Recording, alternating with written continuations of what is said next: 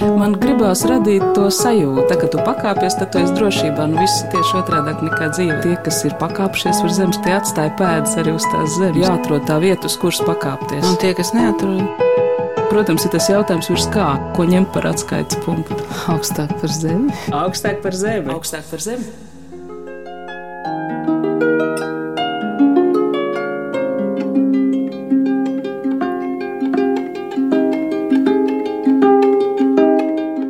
Esiet sveicināti! Linda Šmites nesen iznākušais romāns Valdis ne tikai staburaga bērns, savā ziņā turpina darbu, ko jau aizsākus rakstniece Ingūna Bauere, iepazīstina mūs no jauna ar Latvijas pirmās atmodas darbiniekiem. Personībām, kuras reizēm pazīstam vārda pēc, reizēm arī pēc viņu paveiktajiem darbiem, Linda Šmits romānā pienācis laiks iepazīt valdi, īstā vārdā Valdemāra Zālīti, no cilvēcisko vājību arī uzvaru puses, kā Rāņa plūdoņa arī Pēters Tučkas laika biedru. Mans vārds ir Anna Buševica un vaicāja autorei par romāna Valdis ne tikai staburaga bērns, nosaukumā ietver to intrigu. Ne tikai staburaga bērns, kas jūsuprāt ir eh, Valdemāra Zālīša tas izcilākais devums? Protams, ka izcilākais meistardarbs ir stāburāga bērni, un es tā pārdomājot pēc tam, domāju, ja viņš būtu rakstījis arī pēc tam prózu, un nevis desmit gadi mocījies un mēģinājis pārspēt staburaga bērnus ar romānu dzējā, un tad varbūt arī viņam būtu vēl radies kāds nozīmīgs dišs darbs. Šķiet, ka viņa dzēja ir tomēr mazāk vērtīga. Bet viņš jau ir arī pedagogs, viņš jau ir arī pirmās atmodas sabiedriskais darbinieks. Nu, viņš man šķiet sevi sadalīja par daudz, gribēja darīt tautai, savai latviešu tautai dot ļoti daudz. Viņš strādāja pie konversācijas vārnīcas, viņš dibināja biedrības, viņš um, tulkoja, strādāja grāmatu iztirzes nodaļā vai biedrībā. Un skautu un gaidu un sarkanais krusts, un man šķiet, ka viņš sevi par daudz iztērēja, un, kā viņš pats teica, zvirbuļi ir šaudīti, bet mednis palika neskarts. Rīgas Latviešu biedrības bibliotekārs un runas vīrs, Rīgas pilsētas skolu valdes loceklis, Latvijas skautu organizācijas līdzdibinātājs, jaunatnes sarkanā krusta himnas latviskās versijas autors, savas pedagoģa darbības dēļ visbiežāk saistīts ar Rīgu. Staburak bērns savukārt par valdi liek domāt kā par Daugovas apdziedātāju. Rakstniece, nu jau 17 grāmatu autora Linda Šmite, Voldemāra Zālīti kā savējo izjutusi, paraugoties uz viņu no zālīšu dzimtas izcelsmes vietas, no sausnējas puses. Jūs pat esat no Madonas apkaibas. Es īsti to geogrāfiju nezinu, cik tālu tur ir Mhm. sausnēji. Mm -hmm. Tā tad dzīvoja Madonas novadā, iepriekš vēl ļoti, ļoti nesen Ērgļu novadā. Ērgļu novadam pieder Sausnēja, Jūmurda un Liepkalne. Nu, un Valdis ir Sausnējas mūžā dzimis, es esmu Liepkalniete, mums vidū kādi 9 km. Nu, tā tās mūsu attiecības ar valdi sākās šīs grāmatas sakarā. Šķiet, ka grāmatas pēcvārdā bija minēts apmēram kādu dižgaru krustpunktā mm -hmm. jūs dzīvojat. Jums tas ir svarīgi, ka šīs lielās personības ir nu, saskatāmā attālumā. Es domāju, ka jā, man tāda pietāte pret rakstniekiem no bērnības ir bijusi, un es varbūt arī no bērnības rakstniekus par dievu uzskatīju. Man likās, ka viņi kaut kas, nu, kaut kas ar tādiem augstākiem spēkiem saistīti. Un, protams, ka Blaumanu es esmu no bērnības apbrīnojusi, un tad, kad brakos esmu ieradusies jau pašā dzīves sākumā, man jau tad šķita, kā var nerakstīt. Toreiz, jā, kādā trešā klasē, otrā, kad, kad staigāju pa braku sētu, nu, nu tur ir tik skaisti un tie meži. Un, un kalni un pakalni. Un tad man šķita, nu, kā var nerakstīt. Man, man šķita, ka tieši tās dabas dēļ. Nu, tagad tikai tāpēc gadiem, tad, kad pati esmu to roku ievingrinājusi rakstīšanā, jā, tad man pašai atnāca tā apjausma, ka man rietumos ir uz Liepkalnes pusi, uz ogres galu tur ir dzēnieks Blaus, pretī austrumos sausnējā valdis.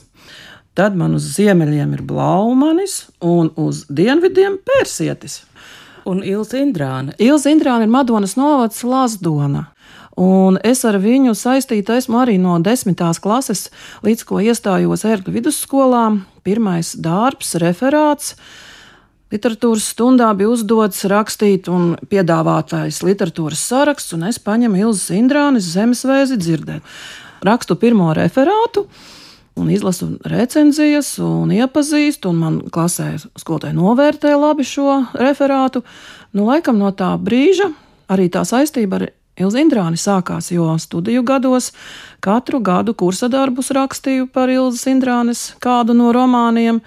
Noslēgumā diploma darbs, maģistra darbs, viss bija saistīts ar Ilzi Indrāni.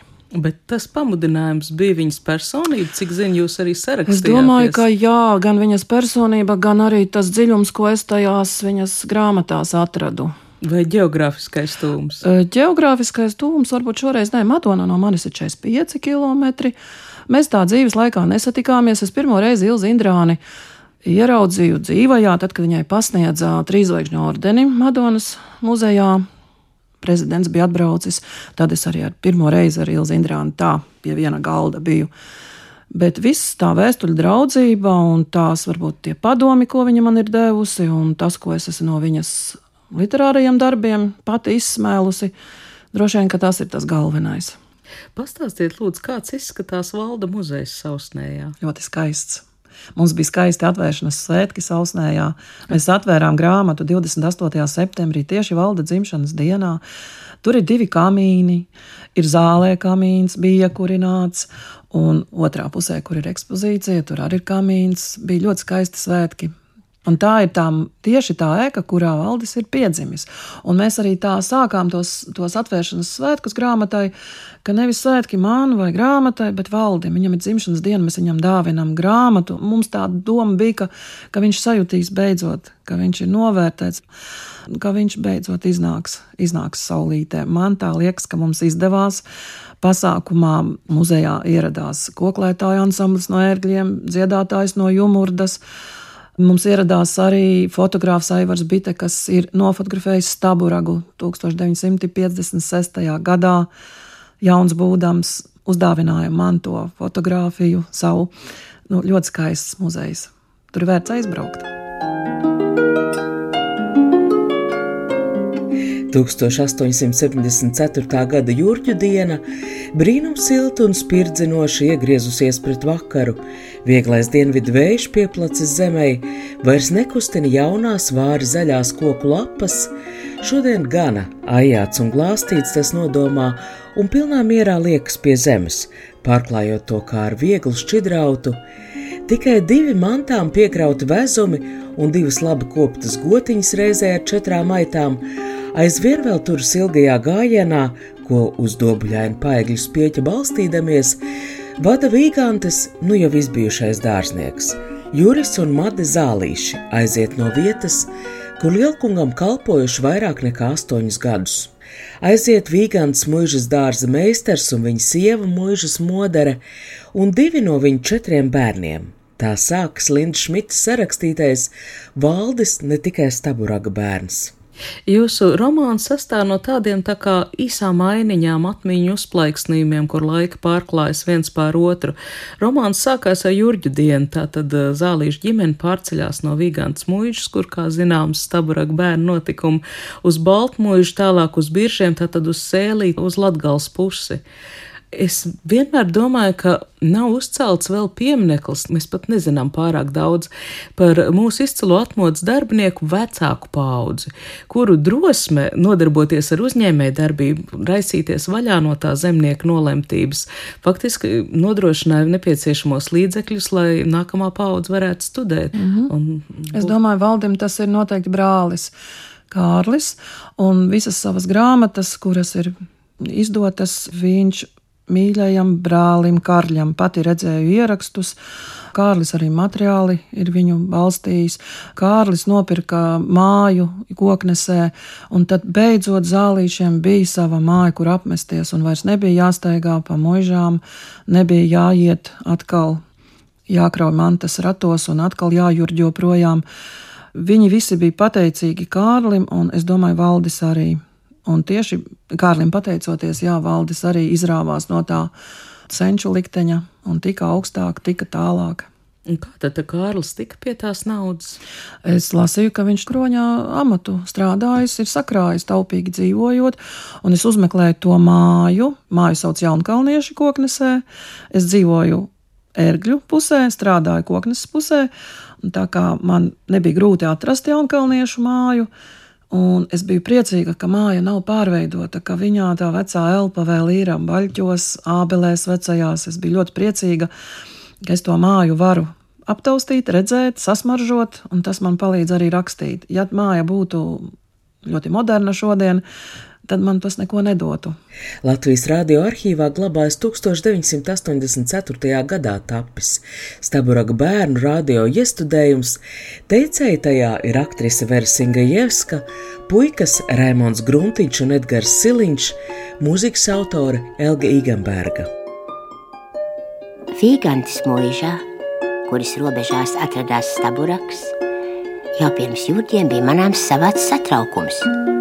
Mūžas pārvaldnieka kundzei jeb cienmātei bija ienācis prātā uzlabot vai paplašināt mūžas putnkopību. Un tāpēc šim darbam tagad vajadzēja pieņemt un algot veselu pieaugušu vai pat pusotra cilvēku. Tas jau bija kaut kas nedzirdēts. Arī dārznieka dēlēns Jancis par šo savādo cienmātes iedomu bija dažu labu, kodīgu piezīmi dzirdējis. Bet viņam pašam, sevišķi par to gaidāmo puscilvēku, bija savas īpašas domas, un tāpēc pašos jūrģos viņš agri no rīta stāvēja kungu mājas kalpones istabā pie gultas, kur atradās marčs, tā sauc nepazīstamo puscilvēku, un prasīja tam Vai tu jau biji pie liepavota? Vai kāds tu muļķis? Nāc, parādīšu! Oh. Tā bija pirmā skaņa, kas parādījās starp paplaši atvērtām lūpām, zem tādām sakņaini zilām acīm. Mačam bija gaiši, gandrīz pavisam balti mati. Pasaulē nav vēl izgudrots rīks, kas šajos matos varētu nodibināt pareizu kārtību. Suseklim gan viņa zem mātes rūpīgās rokas paklausīja, bet tikai uz īsu brītiņu. Tad viņi atkal gluži paši no sevis vien savijās un sakrustojās, kā saules stari liepavotā. Nu, uzliec cepurīsim! Jūs mācat saviem skolēniem staburaks bērnus? Jā, fragmentus, protams, bet es esmu nonākusi pie secinājuma, ka staburaga bērni nav grāmata bērniem. Tā ir grāmata mums, tie, kas mēs protam ieraudzīt to dabas skaistumu, un tas skaistuma pārdzīvojums bērnam skolā klasē nav iemācāms, to mēs varam izjust un izdzīvot tad, kad mums jau ir kādi gadu desmiti plecos, un vēl ko es esmu ievērojusi, tagad sapratusi, ka tā tā nesamākslotība, tas patiesīgums, kas tur ir tajā staburaga bērnos, to jau ar mazam bērnam nevar pateikt un nodot. To var tikai tagad. Jo es, kad lasīju pandēmijas laikā, es staburaga bērnus lasīju, es viņus atklāju pilnīgi no jauna. Vai palīgājiet? Tā jau čūska kā lai nu te boķēra! Ja ne šonakt, tad nekad, ja nerīkosies tagad, patiešām izgaisīs paliks Daugavas dzelmē tā patiesība un tas īstums, kas sadzīvots mūža agrīnajās dienās. Un Janks, Arī viņš visur līdzās, pagalam paļāvīgs pasauli iepazīt augstošs, valdes savā vecpuiša istabā dedz gaišu guni un sēstas pie darba galda. Šis ir vēl viens fragments no romāna Baldas ne tikai Steburaga bērns, un interesanti, ka atgriešanās Daugos pakrastē un bērnu dienu draudzībā notikusi, kā rakstniece Linda Šmita to romānā tēlo, Pilsētas tukšumā, krēsls vakar tumsā un vientulībā. Viņš Viļņā studēja skolotāju seminārā, atgriezās Rīgā ar tiesībām strādāt pilsētā. Nekurš katrs mm, skolotāja tiesības iegūšais varēja pilsētā strādāt. Fricis Brīvzemnieks viņu uzaicina, un tas jau ir liels, liels gods un lepnums būt Rīgā un būt skolotājam kur nu vēl pēc tam tikt ievēlētam par skolas pārzini, viņš Rīgā rakstīja. Viņš vēl nebija precējies. Man tur romānā ir tādas lapas, ka viņam bailes tuvoties šai noskatītajai aktrisei Luīzai Melkertei. Viņam bail tuvoties, jo viņš vēl nejūtas nekas. Tā kā būs grāmata, tā kā būs publicēts, tā kā būs tad. Nu, un tad, jā, tad, kad viņam jau sirdsdomas publicētas un staburaga bērni, tad viņš jūtas mazliet drošāks. Nu, un, jā, uzrakstīja viņš Rīgā, būdams vēl skolotājs. Vienkārši likās, ka šī kavēšanās jaunības atmiņās tajā laimes zemē ir kā pretsvars realitātei. Droši vien Rīgā būdams, viņš ilgi dzīvo kā vientuļnieks, dzīvoklītī, aiz loga ir pilsētas dūna, pilsētas troksnis, un šī te staburaga ienākšana atmiņās un tajās grāmatas topošajās lapas pusēs, jā, tā bija tāda veldzēšanās, tā bija Tā bija ļoti dabiska, nesamākslota atgriešanās bērnībā, varbūt pie tiem mērķiem, pie tiem sapņiem, ko viņš bija jau tad sev izsapņojis un nolicis kā sasniedzamo virsotni. Man liekas, tāpēc arī tas tā ļoti dabīgi viņam arī sanācis.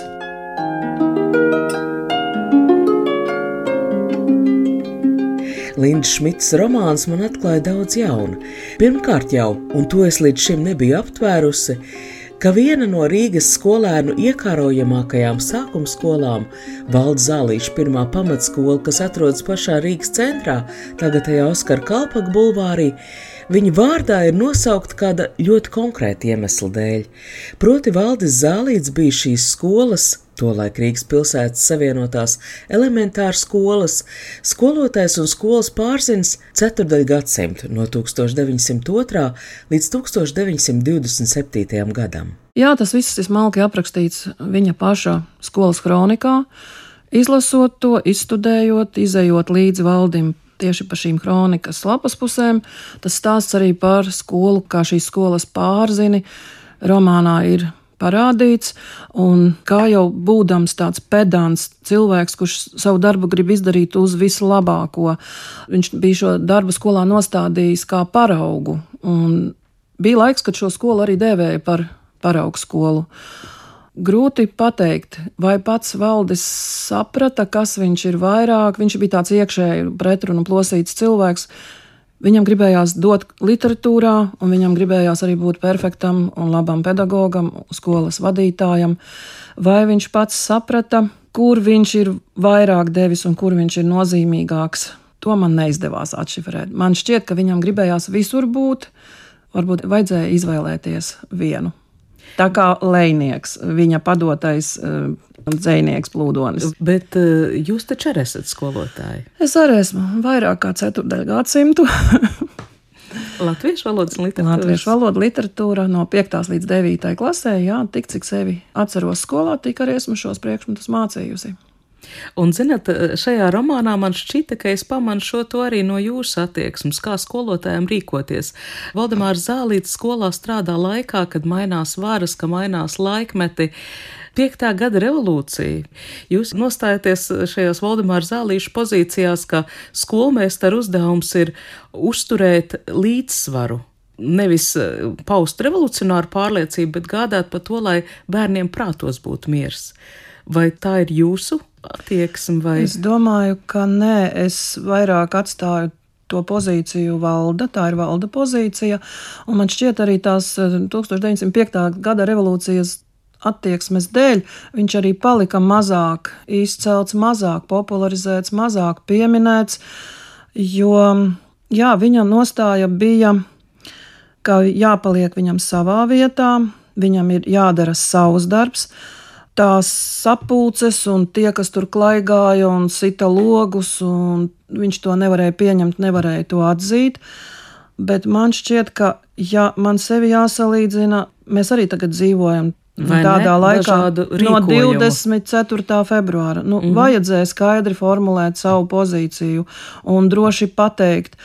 Es laikam esmu jā, tāda, ne, ne tā kā valdis, es tomēr nostājos tajā pusē, kas aizstāv brīvības cīņu, neatkarības cīņu.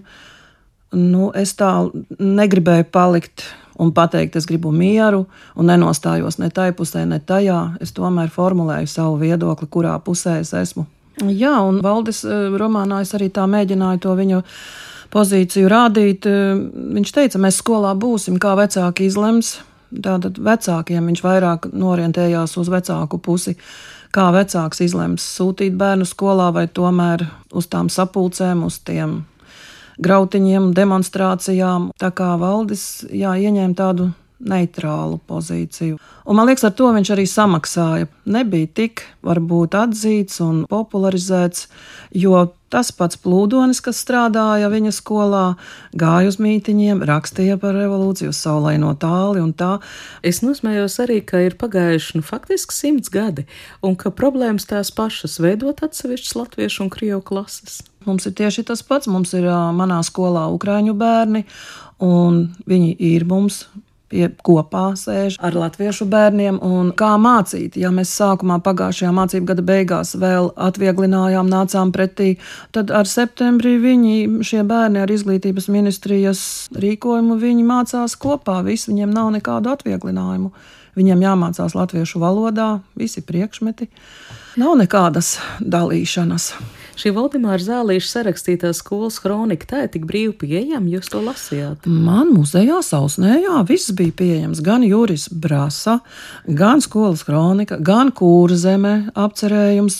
Un tas man bija brīnums. Man jau visu laiku apziņā Imants Ziedonis kājām izceļoja, kurzemi uzrakstīja kurzemīti, bet nē, Valdis izgāja pirmais ar kājām eh, lejas kurzemi. Viņš uzskatīja tā, ja tu gribi darboties savas tautas vidū, tad tev tā tauta ir jāpazīst un vislabāk tu vari iepazīt tad, kad tu esi izstaigājis no sētas uz sētu, dubļus brīdis, gulējis kūts augšās.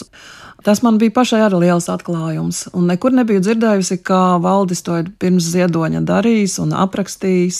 Linda Šmita šobrīd raksturo valda 1928. gadā grāmatā iznākušo ceļojumu aprakstu Kurzemīte. Pats ceļojums noticis 1890. gadā kopā ar vēlāko kolēģi Kriškānu Jāni. 1892. gadā to pirmoreiz publicēja laikraksts dienas lapa, taču no tā laika sadarbības valdim palikusi nepadarīta darba sajūta. Viņa apraksti ir cenzūras labojumi īsināti, arī solīto honorāru toreiz viņš nesaņem. Tāpēc arī šī vajadzība mūža vakarā ceļojuma aprakstu izdot otrais. Linda Šmites romānā Valdis ne tikai staburāk bērns, vairāk kārt pieminēts Rainis. Raini vienā gadā, vienā mēnesī. Bija dzimuši. Tieši tā.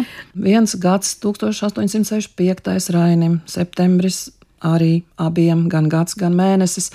Un viņi satiekas koknesē. Tieši tā, kā draugs Pēteris Stučka atvedis savu draugu, un viņi visi trīs arī koknesē tur satiekas.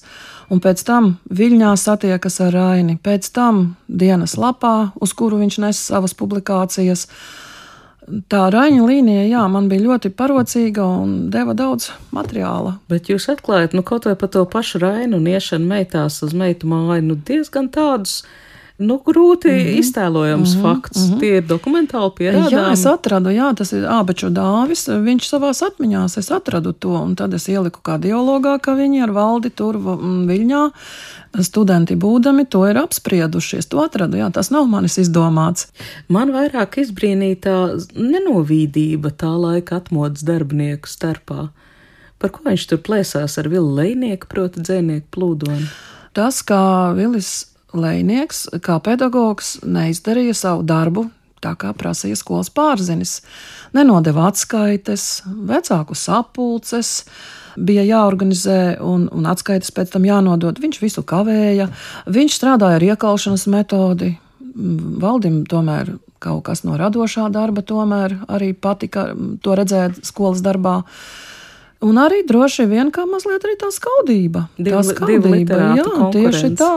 Valda dzīves laikā iznākušo darbu vidū, bez ceļojuma apraksta kurzemīte, bez dzīves un dabas apraksta staburaga bērni, diviem dzējas krājumiem, sirdsdomas un ziedu pārslas ilgu ceļmalā, Pēc viņa domām viņa mūža darbs ir romāns dzējā Juris Brasa, Gāršas dēls un mantinieks. Romāns tapa gandrīz desmit gadus, un līdzīgi kā Staburoka bērni, arī šoreiz pie lauku dzīves tēlojuma Valdemārs Zālīts ir ķēries laikā, kad vārda tiešā nozīmē ir atrauc no savas zemes.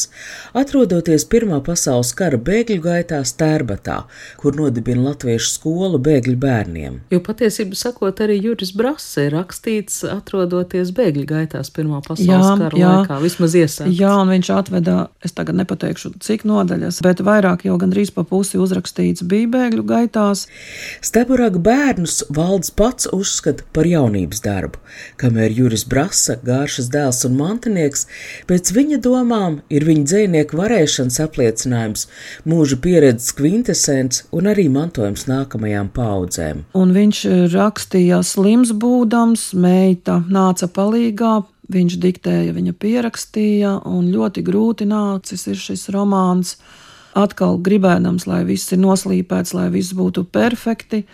Tad, kad romānu publicēja, un romānam nebija uzreiz tās atsaucības un piekrišanas, viņš domāja, ka būs tāpat kā ar Staburaga bērniem, kuri nogulēja klusumā, aizmirstībā, Gan arī 30 gadus. Jā, un viņš domāja, ka lasītājs vēl nav izaudzis, lai varētu lasīt Juri Brāsu. Viņam bija tāda doma. Nu, viņš ar tādu domu arī no šīs dzīves šķīrās. Kāds ir jūsu ieskats? Man jāatzīstās, es šo darbu neesmu pat fragments lasījusi. 500, cik tur 50 lapuses, tas ir gigantisks darbs. Tas ir gigantisks darbs. Es izlasīju, jā, pamatīgi lasīju ar tādu domu, ka prototyps ir viņš pats, bet nevis arī brālēna dēls Jānis Zālītis, apsardzības ministrs, par kuru arī romānā var uzzināt. Varbūt arī nepelnīti aizmirsts un netik cildināts, cik viņš to būtu pelnījis. Lasīju es ar grūtībām romānu. Vēl ir interesanti tas, kas no muzeja atvedu jā, tā laika izdevumu un man vajadzēja ar papīra nazīti vispirms vēl lapas atgriezt. Tā kā neviens nebija lasījis arī muzejā šo romānu, dzeltenām lapām, bies, jā, bet man vajadzēja atgriezt, lai es tiktu pie lasīšanas. Es lasīju pamatīgi, cītīgi, lai es arī sajustu tos valda ideālus, jo viņš Juri Brasu gribēja parādīt kā ideālu tipu. Jo tas ir tas laiks, kurā dzīvoja valdis, tā ir tā vajadzība pēc ideāliem, tiekšanās pēc ideāliem. Es mēģināju saskatīt pašu valdi, un tad, kad man darbs manuskripts bija gatavs, un pirmie lasītāji izdevniecībā teica, nu, pārāk pareizs, pārāk ideāls, un tas jau arī nav vairs labi. Es domāju, kāpēc ir kāda grāmata, ka Vilnis to uzmet virspusē. Staburaga bērni tā tad iznāk 1895. gadā, bet tie iestudējumi ir kaut kādos 20. gados laikam. Viss sākās ar to, ka izglītības ministrija, ja pateikšu precīzi 1920. gadā, izdeva sēriju latviešu rakstnieki skolu jaunatnē, kur jau bija visi jau ievērojamie rakstnieki, Anna Brigadere ir sprīdīti, Dokuātis, Plūdonis un visi jau zināmie populārie rakstnieki, un kā pēdējo izdeva valda Staburaga bērnus, un ar to brīdi tā bija Staburaga bērnu augšām celšanās. No 25 gadu aizmirstības. Valdim, jeb Valdemāram Zālītim, kāds viņš atklājas Linčs Šmits romānā, valdes ne tikai Staburaga bērns, ticis paradoxāls liktenis. Viņš ir izcils pedagogs, ko starp citu var sajust jau staburak bērnos, Janka un Mārčas dialogos. Viņš jāpiemina arī kā tulkotājs tieši valdes pirmais latviešu valodā iztulkoja Maksimu Gorkī darbus, tulkojas arī Čehovu un Merimē, nozīmīgs savulaik skolu politikas veidotājs, gudrs cīnītājs pret ceru laika pārkrievošanas politiku. Plašais darbības lauks liecina par enciklopēdisku zināšanu, ārkārtīgi darbspēju vīru, bet nākamo pauģu atmiņā viņš palicis kā staburaga bērns, ar darbu, kas taps kā pretsvars sarežģītiem laikam un ikdienas darbam, otrpus mūža laikā iemantotajām zināšanām un pieredzēji. Putniņš būt vēlējos un vieglos spārniņos pie tevis kļūt pie tevis kļūt. Ejam, maču! Bez māsām, bez māsām.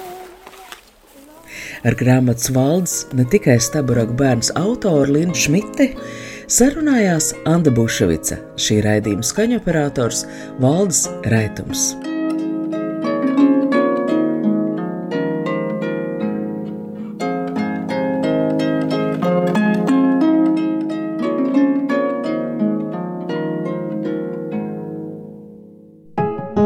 Pakāpies, tad tu esi drošībā. Nu, viss ir tieši otrādi nekā dzīve. Tas ir tā spēle, jā. Tie, kas ir pakāpšies virs zemes, tie atstāja pēdas arī uz tās zemes. Protams, ir tas jautājums, ko ņemt par atskaites punktu. Nē, nu, principā ir skaidrs, augstāk par zemi. Jāatrod tā vieta, uz kuras pakāpties. Augstāk par zemi.